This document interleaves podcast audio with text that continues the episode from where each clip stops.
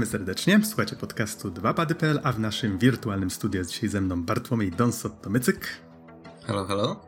A mówi Adam Dębski, zwany Noxem i nagrywamy w poniedziałek 20 marca 2023 i zapraszamy Was teraz na kolejną, drugą część podróży, którą Don przygotował dla Was po serii Homeworld. Tutaj tak e, myśląc już trochę w kierunku premiery trzeciej części, mamy nadzieję, że nastąpi właśnie w tym roku.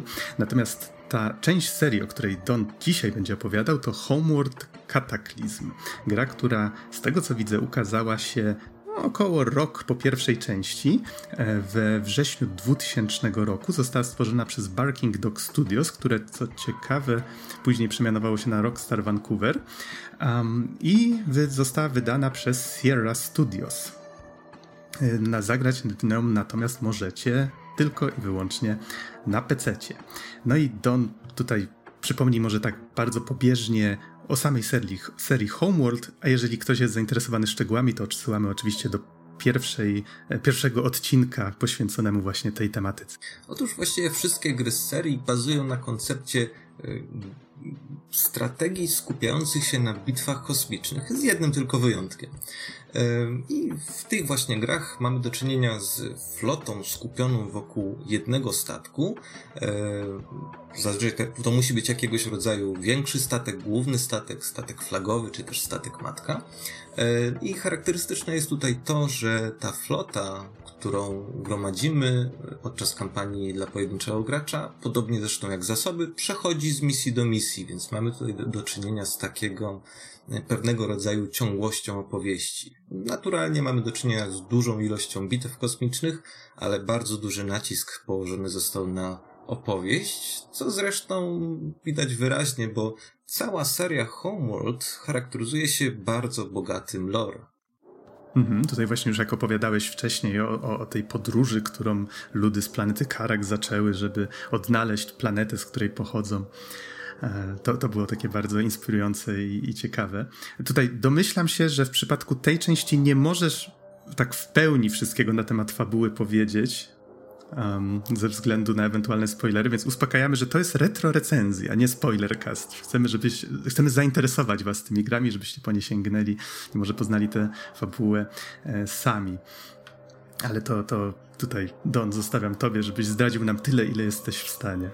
E, tak, zdecydowanie tam, gdzie trzeba, będę używał trochę bardziej ogólnych stwierdzeń, być może nawet trochę zagadkowych, ale dających e, pewien obraz i wyobrażenie tego, o czym te gry właściwie są. E, no i Homeworld Cataclysm na samym pudełku zresztą już w 2000 roku było napisane, że jest to kolejny epizod w sadze Homeworld i tego się będę trzymać. Od wydarzeń z pierwszej części gry, kiedy to bohaterowie wyruszyli w podróż, mija 15 lat, czyli to jest prawie jedno całe pokolenie. Natomiast cała rzecz ciągle dzieje się w tej samej fikcyjnej galaktyce. Ludy z Karak, jako że mają technologię hipernapędu, mogą podróżować po układach gwiazdowych i oficjalnie stają się cywilizacją gwiezdną. Warto tutaj przypomnieć, że właściwie tworzą one taką społeczność o charakterze plemiennym. Czyli jakby tu mamy do czynienia z jedną kulturą, kulturą ludów Skarak, ale one dzielą się, te ludy dzielą się właśnie na, e, na klany, czyli na przykład mamy najróżma, najrozmaitsze klany. Przykładowo Nabal, Manan, Sajet, Kalel, Paktu, Soban i tak dalej, i tak dalej. W pierwszej części gry nie było za bardzo na to miejsca, bo mieliśmy do czynienia z bohaterem zbiorowym reprezentowanym przez taką jedną flotę, flotę która e, była jakby nośnikiem wszystkich ludów, tej jednej kultury. Chociaż warto wskazać na to, że w środku statku matki, czyli tego właśnie głównego statku, e, którego losy śledziliśmy w pierwszej części, jest wmontowana Karan Sajet, a zatem postać pochodząca z konkretnego klanu.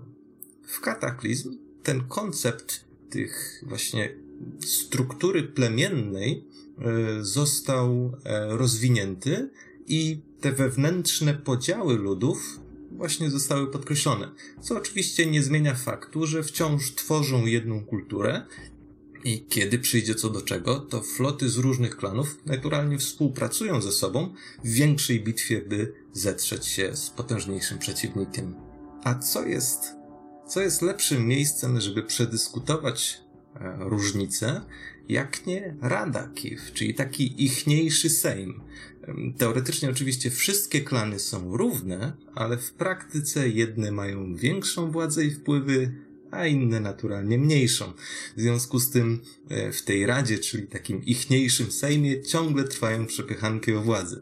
Myślę, że jako Polacy możemy chyba potwierdzić, że ten aspekt gry chyba jest bardzo realistycznie napisany. Oj tak. Tutaj zastanawiam się, jak dużą rolę ta polityka odgrywa w fabule. Na pewno jest to ciekawy punkt wyjściowy e, do wydarzeń, ale podejrzewam, że za chwilę, e, za chwilę postaram się to trochę bardziej rozwinąć.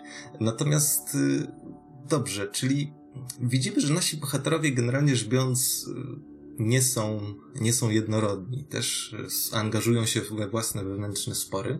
A co z samą galaktyką?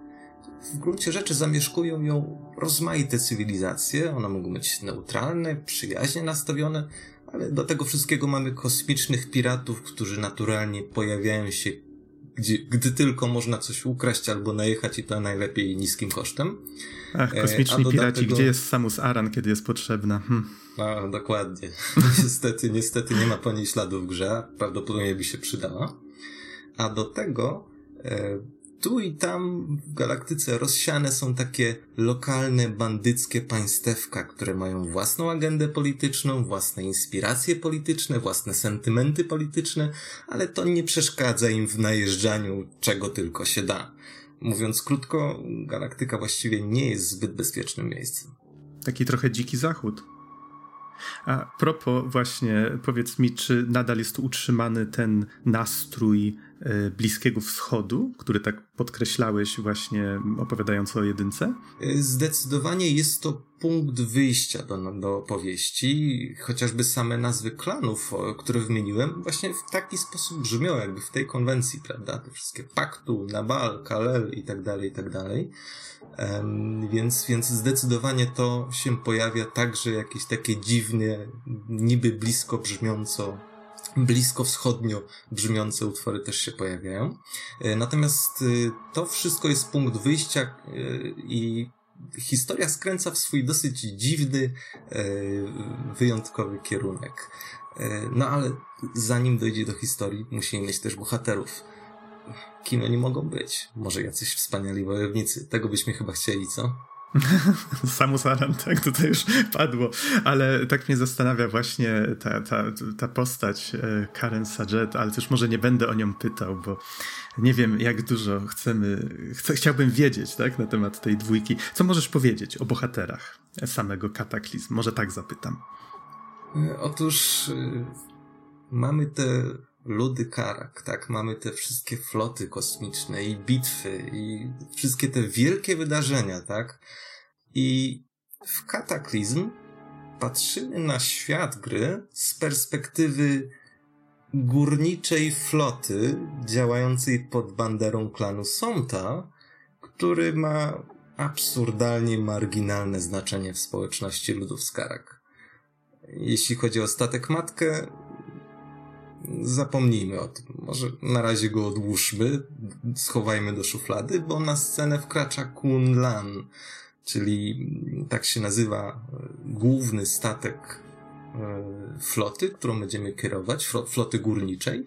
I Kun Lan jest czymś w rodzaju takiej górniczej barki. On oczywiście dalej spełnia tę samą rolę gameplayową, którą e, statki główne w tej flocie spełniają, czyli jest fabryką, rafinerią, centrum produkcyjnym itd., tak itd. Tak I mówiąc krótko, głównym tym elementem floty, e, ale, ale wciąż jest to chyba nieco mniej imponujący, e, nieco mniej imponująca maszyneria niż chociażby statek kolonizacyjny, taki jak statek matka. Mhm. No dobrze, to w takim razie rozumiem, że ci bohaterowie to są górnicy, tak? Dokładnie tak. Dosłownie to są cywile, którzy mają bardzo niskie lub wręcz żadne zdolności bojowe i dysponują przestarzałą technologią, czego wyrazem są takie bardzo przysadziste i bryłowate statki, czego chyba najlepszym przykładem jest sam Kun Lan i charakteryzują się jeśli mogę, ich, jeśli mogę tak powiedzieć, mają taki mental bycia pokornym, znających swoje miejsce. I to się objawia chociażby tym, że kiedy dołączają do bitwy gwiezdnej w taki dosyć awaryjny sposób, są wyrwani od pracy górniczej i po prostu dołączają, bo taka jest yy, potrzeba chwili, yy, żeby dołączyć do flot innych klanów to pierwsza rzecz, którą nadają, to ok, tutaj Kunlan, dołączyliśmy w tym sektorze, ale uwaga, jesteśmy statkiem górniczym, gdzie możemy pomóc? To znaczy, gdzie jest jakieś zadanie, które nadawałoby się dla nas do wykonania? I na co pada? Rozumiem, że zostają zmuszeni do prowadzenia jakichś działań bojowych? Y, oni dostają zadanie zniszczenia bombowców wroga w niewielkiej ilości i, i w sumie, czyli mówiąc krótko, są, e, odgrywają rolę wsparcia. Tak? Czyli to są, przed bohaterami stają zadania cywilne, albo tylko quasi wojskowe, albo w najlepszym wypadku takie wojskowe na małą skalę. Świetnym przykładem chociażby tego może być fakt, że jedna z takich pierwszych misji w grze polega na tym, że musimy znaleźć zaginiony niszczyciel, który po prostu został uszkodzony w bitwie i gdzieś się zgubił, więc po prostu trzeba zorganizować wyprawę poszukiwawczą i go odnaleźć. ale I domyślam bohaterowie... się, że mhm. jak każda dobra historia, coś pewnie idzie nie tak. W każdej historii coś idzie nie tak, a najchętniej pojawiają się piraci kosmiczni, którzy wszystko jeszcze chcą rozkraść lub zniszczyć. Skądś cały czas się tu zastanawiam, gdzie, gdzie jest ten tytułowy kataklizm, tak? Co on tutaj znaczy, o co chodzi? Otóż rozważałem, jak do tego podejść, by unikać zdradza zdradzania zbyt wiele i właśnie postanowiłem użyć samego tytułu, czyli kataklizm. Już chyba myślę, że y, oskarżanie o spoilowanie na bazie podtytułu gry byłoby y, kontrowersyjną opinią, w związku z tym stwierdziłem, ok, będę mówić o kataklizmie. Otóż bohaterowie w pewnym momencie dokonują dosyć zagadkowego odkrycia, które staje się wyzwalaczem tytułowego kataklizmu. I tutaj uspokajam. E, w grze nadal załatwiamy sprawy za pomocą różnego rodzaju bitew kosmicznych, czyli ta formuła rozgrywki zostaje zachowana. Natomiast historia, co już trochę anonsowałem przed chwilą, skręca w zupełnie innym kierunku i staje się czymś na kształt horroru.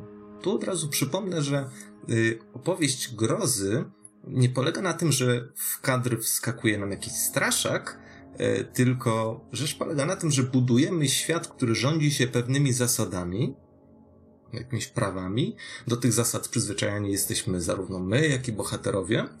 I następnie do tego świata wprowadzony jest element, który przeczy zasadom, które do tej pory poznaliśmy. On działa na zupełnie innych zasadach, na zasadach jakichś niewyjaśnionych, albo na zasadach, które stoją gdzieś w ogóle z boku tego świata. Więc y, wszelkiego rodzaju opowieści o wilkołakach, wampirach, duchach, tajemnych rytuałach, to wszystko polega na tym, e, na tym schemacie. E, bohaterowie muszą zmierzyć się z czymś, co jest niewyjaśnialne, co jest nieznane. No to chociażby u Lovecrafta jest motyw szalenie popularny. Natomiast w przypadku Homeworlda, oczywiście to jest świat science fiction, ale on działa według bardzo konkretnych zasad. I nagle wprowadzony zostaje do niego kataklizm, którego natura jest zupełnie obca i właściwie dotąd niespotykana. Mówiąc krótko, bohaterowie muszą stanąć w obliczu nieznanego. To taka dość ciekawa zabawa konwencją, muszę przyznać. Już jedynka po twoich opowieściach wydawała mi się taka bardzo mistyczna i tutaj nagle to mówisz skręca w taką trochę e, tak, taką grozę kosmiczną. Hmm, no brzmi bardzo interesująco. Muszę powiedzieć, że tutaj twórcy wybitnie dobrze pracują scenariuszem i paradoksalnie wprowadzają bardzo mało zmian do samego gameplayu. Czyli z jednej strony ciągle bierzemy udział w bitwach kosmicznych, ale jednocześnie mamy taką kreację niepokojącej i zagadkowej natury tego kataklizmu, który powiększa się w niekontrolowany sposób um, i jest po prostu taką, w pewnym momencie taką czystą grozą, można powiedzieć. Mhm. No dobrze. Czy jest coś jeszcze, co chciałbyś opowiedzieć na temat samej fabuły, czy już raczej przechodzimy do gameplayu albo jakichś innych elementów? Myślę, że tak, chyba że już cię zmęczyłem. Nie, nie. Wydaje, powiem tak, wydaje mi się, że fabularnie to jest. Domyślam się, że gameplayowo ta część pewnie nie różni się zbytnio od jedynki, biorąc pod uwagę, że powstała raptem w rok. E, tutaj domyślam się, że fabuła jest chyba głównym motorem napędowym i czymś, co miało zachęcić do, do sięgnięcia po ten dodatek, czy właśnie dodatek, czy samodzielną grę. Ciężko powiedzieć, jak to nazwać. Swoją drogą ciekawostka, o której żeśmy nie wspomnieli, jeżeli szukalibyście Homeworld Kataklizm w sieci, e, w tej chwili może być z tym drobny problem, ponieważ gra musiała zmienić nazwę na Homeworld Emergence. Ze związków, pra- ze względów prawnych e, bo jeden z dodatków do World of Warcraft nazywał się Kataklizm i się postanowili się do twórców przyczepić, tak, że zmieńcie tutaj podtytuł. No, już powiedzmy, że to już reszta to historia. Um, więc tak, Homeworld, Kataklizm czy Emergence jedna rzecz. Można powiedzieć, że sama gra zmierzyła się z własnym kataklizmem, tylko on był niewiarygodnie, niewiarygodnie straszniejszy, bo prawny. Um, więc tak to wygląda. Natomiast muszę powiedzieć, że tutaj myślę, że twórcy błyszczą scenariuszem, no bo nasi bohaterowie to nie są jedyni, tak powiem, ludzie, czyli jedyny gatunek, który funkcjonuje w galaktyce. Jest tu cała masa innych cywilizacji, spośród których poznajemy kilka z nich. Um, I naturalnie mamy okazję poznać właśnie tych kilka cywilizacji, ich jakieś cele, aspiracje, a nawet metody. I kiedy nadchodzi kataklizm, który rozszerza się w niekontrolowany sposób, e, no być może pisarze z Hollywood by stwierdzili, no dobra, no nie lubimy się, ale walczymy razem i tak dalej, i tak dalej. Nie, nie, nie, nie. Tutaj widać wyraźnie, że twórcy nie dali się na to skusić i widać wyraźnie, że kiedy nadchodzi kataklizm, to każdy sobie rzepkę skrobie. Cywilizacje zachowują się najróżniej w zależności od tego, kim są i o co im chodzi. I dochodzi do kilku naprawdę interesujących interakcji yy, między właśnie różnymi grupami bohaterów, z czego chyba najciekawszą jest to, że w pewnym momencie właśnie nasi bohaterowie flota Kunlan z rozbrajającą szczerością stwierdza, że hej, potrzebujemy czegoś od kosmicznych piratów. Nie znosimy się, walczymy i tak dalej, ale no może po prostu do nich pogadamy z nimi, zagadamy i zobaczymy, co się stanie. W końcu tylko chodzi nam e, o pomoc, tak? E, I bohaterowie po prostu e, też z rozbrajającą szczerością e, wprowadzają się na kurs do kryjówki piratów i nadają przez radio, okej, my chcemy tylko tego, nie chcemy walczyć, yy, przybywamy w pokoju, powtarzam, przybywamy w pokoju. I piraci zagadkowo milczą. I w tym momencie zaczyna się interakcja, która moim zdaniem jest fenomenalna, która rozciąga się na dwie misje i jest właśnie to jest dowód na to, że, że twórcy e, nie dali się złapać w te hollywoodzkie wnęki e, i poszli swoją własną, nieco bardziej realistyczną drogą. Brzmi ciekawie. I powiedz mi, dużo jest w kampanii takich momentów? Długa jest w ogóle kampania? Jeżeli jest to dodatek, jak byś to skategoryzował? Czy nazwałbyś Kataklizm dodatkiem, czy bardziej samodzielną grą? Kataklizm pierwotnie miał być dodatkiem do pierwszej części gry, ale i to tak czasem bywa, w tej branży, rozrósł, rozrósł się na tyle, że twórcy zdecydowali, że to musi być osobna gra. I tak powstała, tak powstał kolejny, kolejny epizod w sadze. A zatem to pierwotnie miała być tylko pomniejsza, taka być może nawet trochę poboczna historyjka, ale okazało się, że, e, że zdecydowanie przerosła e, oczekiwania nawet własnych twórców. I myślę, że to jest dobry moment na jej podsumowanie, jeśli chodzi o samą warstwę fabularną. W wielu miejscach twórcy podkreślają, że tutaj dużym, dużą rolę odgrywa poświęcenie. I to jest bardzo podkreślone zarówno w scenariuszu, jak i w gameplayu. E, I to jest prawda. Chociaż wydaje mi się, że skoro e, pierwszą część gry, tak, to już ją oceniłem, tak, stwierdziłem, że tak, tam jest bardzo istotną rolę odgrywa poświęcenie i skoro to już zostało omówione, to myślę, że warto zwrócić uwagę na coś e, trochę innego. Otóż na słowo klucz przemiany. To są, mogą być przemiany czysto fizykalne, to znaczy sam Kunlan jako statek zmienia się. Bohaterowie trochę go przebudowują, odłączają elementy górnicze, dołączają inne, udoskonalają go, więc sama flota też się zmienia, więc są to przemiany czysto fizykalne, e, ale to są też przemiany, które dotyczą tego tak zwanego mentalu bohaterów. Z bardzo prostej przyczyny. W obliczu kataklizmu górnicy zostaliby zmasakrowani, więc oni muszą, muszą się zmienić, by móc przetrwać. I tak naprawdę, moim zdaniem, o to w tej grze chodzi. O przemiany. Tutaj sam fakt, że kierujemy jednostką, znaczy jednostką, taką grupą, która początkowo jest po prostu cywilami, e, jest dość interesujące, bo domyślam się, że wraz z rozwojem kampanii e, przekształcamy ich w regularną jednostkę bojową. No, Jeżeli na tym polega trochę... przetrwanie i mamy y, walki w kosmosie. Chyba trochę, trochę dużo powiedziane, natomiast tak, z, z, całą pewnością musi dojść do pewnych przemian, musi dojść do zmian. Natomiast naturalnie tutaj mamy e, w czasie kampanii na pojedynczego gracza, e, w której kontrolujemy tę flotę, rozbudowujemy ją, trochę ona się przekształca. Myślę, że tutaj w Kataklizm taką główną rzeczą, która naprawdę błyszczy, jest dynamika walki tak? No mamy tych takich cywilów, którzy mają, którzy mają niską wartość bojową i to, co oni są w stanie wystawić, to nie są pełnoprawne jednostki wojskowe, tak? Czyli mamy zamiast myśliwców wojskowych, mamy takich akolitów, tak się nazywają. To są tacy pomoc, pomocnicy, czyli takie jednoosobowe statki z działkami. To jest wszystko. Nie mamy pełnoprawnych fregat bojowych, a nawet niszczyciele są takie karłowate, pudełkowate, zupełnie nie robią wrażenia, jeśli mogę tak powiedzieć. I bohaterowie często stają w obliczu potężniejszego przeciwnika i wygląda na to, że ucieczka czasem to akceptowalne rozwiązanie, czasem wręcz pożądane i stąd wzięło się e,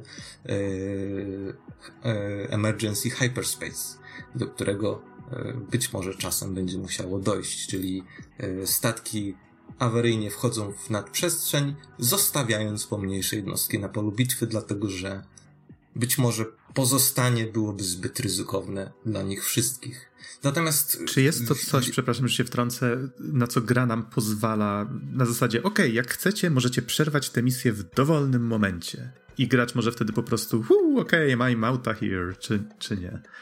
Y, jest taki moment, są, są takie momenty w kampanii, yy, znaczy to jest w ogóle mechanika gry, tak? To znaczy, że jeśli osiągniemy cele misji, a czasem misje są skonstruowane w taki sposób, że osiągamy cele, a walka może dalej trwać, to możemy spróbować, yy, że tak powiem, swoje jednostki wyciągnąć stamtąd, ale możemy też stwierdzić, ok, zagrożenie jest zbyt wielkie, emergency hyperspace, wszystkiego najlepszego, radźcie sobie.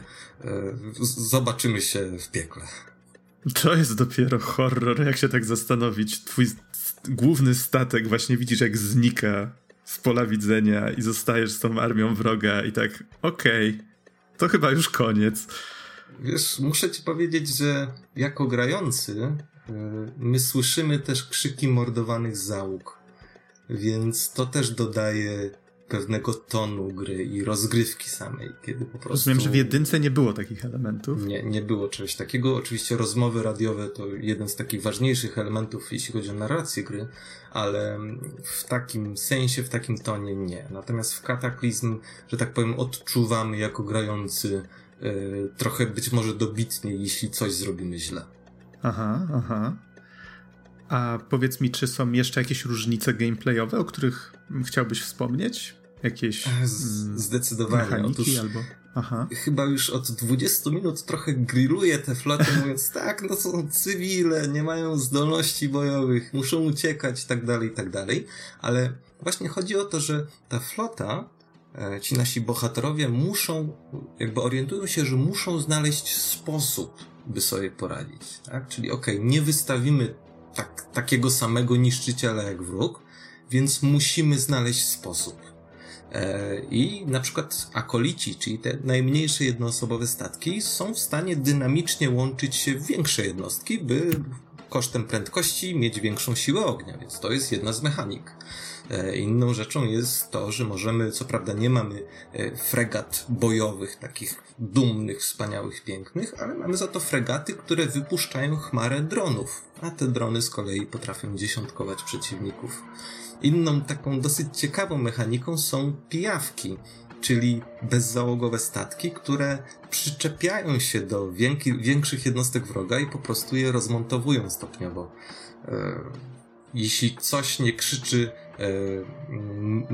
metoda niekonwencjonalna jak fregata taranująca, która wygląda jak wielka ryba młot i jej celem jest po prostu walnąć w cel i odepchnąć go jak tylko się da, to już nie wiem co. E, no a jeśli wszystko inne zawiedzie, e, no to mamy też jednostki samobójcze. Mhm. I rozumiem, że tych elementów nie było w poprzedniej części, tak? To są wszystko y nowe pomysły. Nie, nie było ich, to są rzeczy nowe, to są rzeczy rozwinięte i to właściwie zupełnie zmienia dynamikę rozgrywki. Dodatkowo zostały dodane umiejętności specjalne tych mniejszych jednostek, czyli na przykład wystrzeliwanie rakiet, y, impuls elektromagnetyczny, a zatem widzimy, że nasi bohaterowie mają kilka asów w rękawie i właśnie dzięki temu, chociaż w gruncie rzeczy przedstawiają trochę takie maszyny budowlane przerobione na cele wojskowe, y, to jednak mają kilka asów w rękawie. Więc ten model. No to jest bardzo fajny jest... motyw, że musieli dostosować sprzęt, który mieli na miejscu do sytuacji, mhm. w której się znaleźli. Tak, więc y, można powiedzieć, że ten model bitew jest w porównaniu do jedynki bardziej rozwinięty, bardziej zróżnicowany y, i właśnie wprowadzone są te elementy wojny niekonwencjonalnej, co właśnie moim zdaniem jest super akcentem, bo, bo też działa pod względem gameplayu y, i jakby no, mamy pokazanych bohaterów poprzez gameplay, co jest właśnie jedną z tych rzeczy, które każda gra chce robić, prawda? E, no dobrze, powiedz mi, czy jeszcze jakieś elementy gameplayowe zostały, o których warto wspomnieć? Myślę, że tak. Jedną z głównych rzeczy, którą, o których wspomniałem, jeśli chodzi o fabułę, to były przemiany. I Cataclysm to jest pierwsza gra z serii, w której wprowadzono modułowość statku, czyli Kunlan, e, no to składa się z różnych modułów.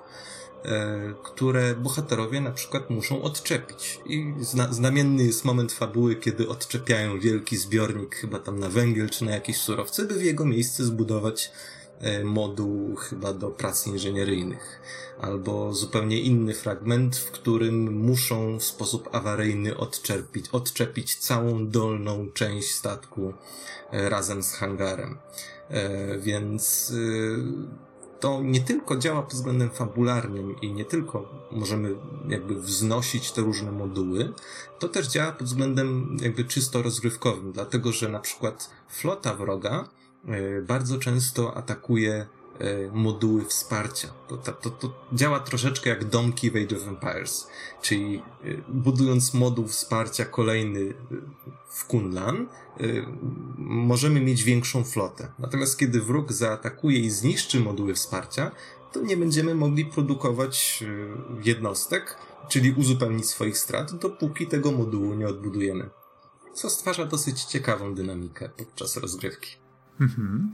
No dobrze, powiedz mi, czy już może przejdźmy do oprawy? Nie wiem, czy w ogóle się zmieniła, biorąc pod uwagę, jak szybko ta gra powstała. E, prawdę powiedziawszy, oprawa, oprawa graficzna e, stoi właściwie na takim samym poziomie pod względem jakości, jeśli chodzi o e, no właśnie, pod takim samym e, poziomem jakości, tak samo jak e, ta klasyczna jedynka z 99 roku, czyli no, głównym, główną atrakcją są tutaj e, tła galaktyki widzianej z różnych perspektyw. One oczywiście mają stosunkowo niską rozdzielczość, ale są na swój sposób e, widowiskowe. Przynajmniej. O, tak mi przypomniałeś teraz. Pamiętam, jak opisując jedynkę, zapytałem o to, że one często przynajmniej jak widziałem jakieś obrazki, właśnie screeny yy, czy filmiki z Homeworlda, to zawsze pamiętam te, te, takie rzucające się w oczy barwne e, tła, przedstawianie wszechświata w taki bardzo kolorowy sposób. I powiedziałeś mi wtedy, to poczekaj na, na recenzję Kataklizm, bo tam się tym fajnie bawią. Co, co miałeś na myśli? Chodziło ci o jakiś taki sposób przedstawiania, nie wiem, dopasowania tych teł do, do tego mrocznego nastroju, czy... Tak, otóż y, My oczywiście zaczynamy od takiego klasycznego pokazywania tych takich dziwów naturalnych, powiedzmy, galaktyki, czyli tej, jakby, tych wszystkich jakby ramion tej galaktyki, jakichś różnych tam mgławic i tak dalej, i tak dalej, ale bardzo szybko skręcamy w taki trochę dziwny, niepokojący nastrój. Bardzo dużo jest y, zabawy czernią, y, jest dużo czerni, sporo czerwieni, ale myślę, że tutaj ta czerni tak zaskakująco wiele razy się pojawia. I są takie momenty, kiedy, e, kiedy bohaterowie dosłownie są zawieszeni w czerni, zawieszeni w pustce. Gdzieś tam tylko na tym, w cudzysłowie, na horyzoncie e, mamy jakieś tam świetliste, białe chmury czy obłoki, ale bohaterowie są zawieszeni w pustce, w czerni i tak się jakoś dziwnie składa, że w dokładnie tych momentach pod względem fabularnym nie ma nadziei. Bohaterowie walczą i może nawet wygrają, ale to nie ma żadnego znaczenia, bo nie ma już nadziei. I to jest fenomenalne wrażenie, kiedy właśnie wchodzi taka dziwna, e, niepokojąca muzyka, kiedy jesteśmy zawieszeni w pustce, kiedy przeciwnik jest wszędzie dookoła nas, kiedy nie ma już nadziei. I no, Kunlan ze swoimi kilkoma asama, asami w rękawie musi coś szybko wymyślić. Mhm. No to brzmi bardzo zachęcająco. E, rozumiem, że oprawa dźwiękowa, czy właściwie muzyczna, to są nadal właśnie takie utwory inspirowane właśnie Bliskim Wschodem, tak jak było w części poprzedniej, tak? Tylko nastrój troszeczkę się pewnie różni. Od tego, zaczy od tego zaczynamy w kataklizm, ale nawet te mhm. utwory, które brzmią blisko wschodnio, one, one brzmią tak jakby tak chaotycznie, tak agresywnie, tak dziwnie, a potem robi się już tylko dziwniej. Kiedy właściwie e, cała oprawa muzyczna to jest taki, takie dźwiękowe pejzaże, w których mamy albo jakieś takie sygnały, albo jakieś takie buczenie, inne klikanie. Po prostu te pejzaże dźwiękowe tego dalekiego kosmosu to jest coś, co w sumie możemy posłuchać sobie. Myślę, że trochę to się, przynajmniej mi to się kojarzyło trochę z tymi nagraniami z NASA, domeny publicznej, gdzie promieniowanie z jakiejś planety przerobiono na, przekonwertowano na sygnały dźwiękowe i, i w efekcie otrzymaliśmy taką ferię dziwnych dźwięków e, i quasi melodii. I trochę to mi przypomina soundtrack z gry. A wspomniałeś tutaj o krzykach e, w tych takich, w komunikacji radiowej między statkami. Czy gra, rozumiem, ma voiceover, tak? Są nagrane tak, głosy. oczywiście. Tutaj, tak jak w pierwszej części gry, tutaj voiceover odgrywa dosyć dużą rolę. E, jakby całą flotę reprezentuje kapitan Kunlan i pani oficer e, i powiem otwarcie, że moim zdaniem to są fenomenalnie zagrane role one ogólnie, nawet pod względem tonów głosów, strasznie mi się kojarzą z tymi starymi Gwiezdnymi Wojnami z lat 70. I to jest takie bardzo chyba przychylne porównanie. Bardzo fajny nastrój to wprowadza. Jakby to powiedzieli rdzenni fani, że się tak wyrażę, to powstały jakieś inne części Gwiezdnych Wojen? Tak? Nie wiadomo. Może zapomnijmy o tym. Y, w każdym razie dodatkowo też każdy typ, statku ma oddzielnego aktora głosowego, co też oddaje trochę lepiej charakter takiego statku, takiej jednostki, więc y, zdecydowanie duża praca została na voiceoverach wykonana, znacznie większa e, niż w jedynce i tutaj wiele usprawnień dokonano. No i właśnie niestety e, ta makabra także w ten sposób jest nam komunikowana, więc y, musimy, że tak powiem, mieć się na baczności. Okej, okay, rozumiem. To wydaje mi się, że już chyba możemy powoli zmierzać w stronę podsumowania, ale jeszcze jedna ważna rzecz, czyli powiedz mi, jak można w tę grę zagrać? Bo jest dostępna tylko na PC, ale pamiętam, że opisywałeś jedynkę, że masz pudełkową edycję, y, wspominałeś o tym, że wyszedł remaster, a jak to wygląda w tym przypadku? Y, otóż y, losy Kataklizm są raczej trochę bardziej wyboiste niż jedynki. Przede wszystkim nie ma żadnego remastera e, gry. Podobno dlatego, że oryginalny kod źródłowy zaginął. I to w sumie miałoby sens, dlatego że tę grę produkowała przecież inna firma.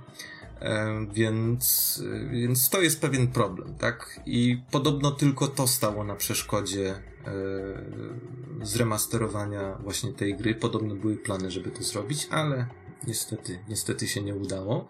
Więc jak w, to, jak w tę grę zagrać? Najbardziej oczywistym, chociaż prawdopodobnie najmniej dostępnym wyborem jest oryginalne wydanie, które krąży po sieci, także na rynku polskim. E, chociaż nie ma ich zbyt wiele. E, są też wznowienia gry, czyli powiedzmy jakieś takie serie wydawnicze, superseller czy coś takiego, ale tych też w Polsce nie ma zbyt wielu.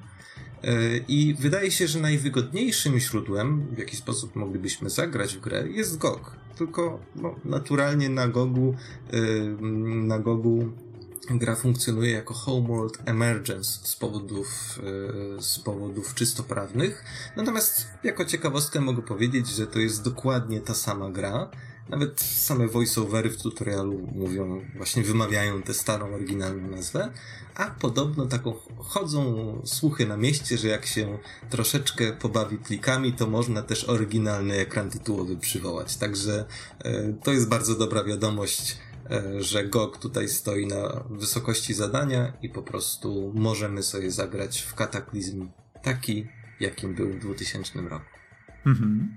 No dobrze, to Don.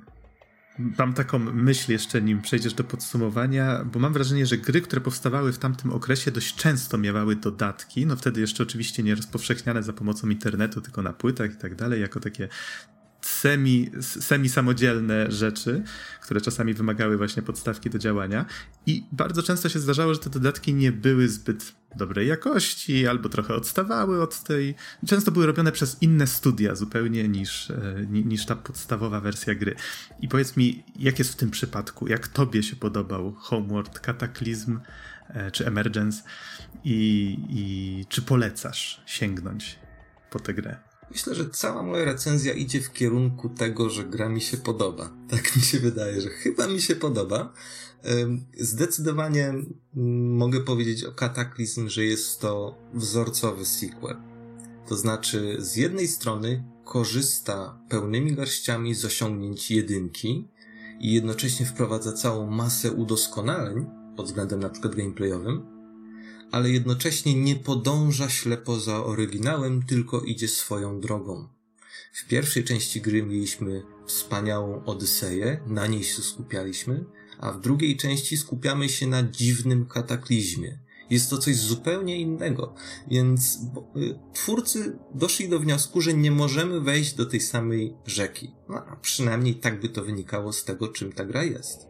I to jest znamienne, dlatego że teoretycznie pokusa byłaby wielka. Hej, mamy ikoniczny statek matkę, zróbmy drugą grę o statku matce i zapomnijmy o wszystkim innym. A tutaj wyrzucamy go przez okno.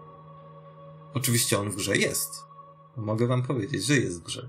Um, ale musi ustąpić, bo na scenę wkracza Kunlan i cała oddzielna linia fabularna, która teoretycznie niby mam niby mniejszą perspektywę, mówimy o rzeczach w trochę mniejszej skali, ale nagle okazuje się, że to jest pełnoprawny sequel, który rządzi się swoimi prawami. Mało tego, on tworzy własne, ikoniczne motywy, rozwiązania um, i, um, i fabułę. Więc można powiedzieć, że jedynka i kataklizm tworzą właściwie taką i tu uwaga, bo Don wymyśla swoje pojęcia, klasyczną dylogię Homeworld. Dylogię, bo oczywiście składa się z dwóch gier. Te gry mają ten sam styl, są, są mocno powiązane, to jest takie jakby sedno serii, ale każda z nich jest inna, idzie w innym kierunku. Więc e, myślę, że jakby tutaj już mówię trochę o tych dwóch grach, a nie o samym kataklizm. E, naprawdę to jest piękny duet, piękna dialogia. Oczywiście y, ona jest tą piękną dylogią, dlatego że Kataklizm jest wzorcowym sequelem, moim zdaniem. I mogę powiedzieć, że jest to moja ulubiona gra z serii. Więc e, myślę, że tym może nieco sentymentalnym stwierdzeniem e, możemy tę recenzję zakończyć. Dziękuję bardzo za uwagę i do usłyszenia w kolejnym odcinku.